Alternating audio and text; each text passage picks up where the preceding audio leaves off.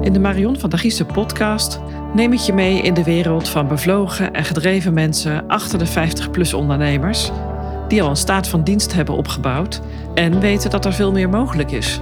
Je bent gepokt en gemazeld, hebt de staat van dienst, bent door de wol geverfd en je bent gefrustreerd. Herken je dit? Je bent goed in wat je doet. Maar is dit het dan? In de praktijk blijkt het lastig om, als je er alle tijd voor hebt, die verbinding met jezelf aan te gaan. Door zelf te groeien kun je anderen krachtig helpen leiderschap te nemen over hun leven en werk. Maar als jij de stap niet zet, op de rem trapt of jezelf belemmert, slaat de verveling al gauw toe. En achteraf spijt krijgen levert je niks op.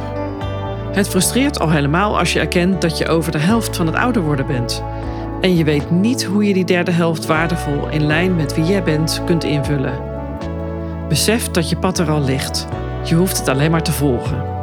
Ik help 50-plus ondernemers nog beter in staat te zijn om op integere wijze en op basis van wederzijds respect nog meer rendement te halen uit hun ondernemen, waardoor zij nog meer waarde kunnen toevoegen aan hun dagelijks leven en werken en in hun waarde kunnen gaan staan.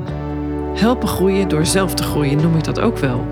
Door nog beter gebruik te maken van hun eigen mogelijkheden, wijsheid en ervaring.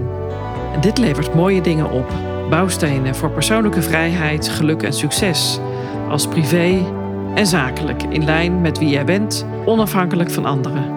In deze podcast wil ik je inspireren en laten inzien dat er veel meer mogelijk is als je leeft en werkt in lijn met wie jij bent. Fijn dat je daar bent.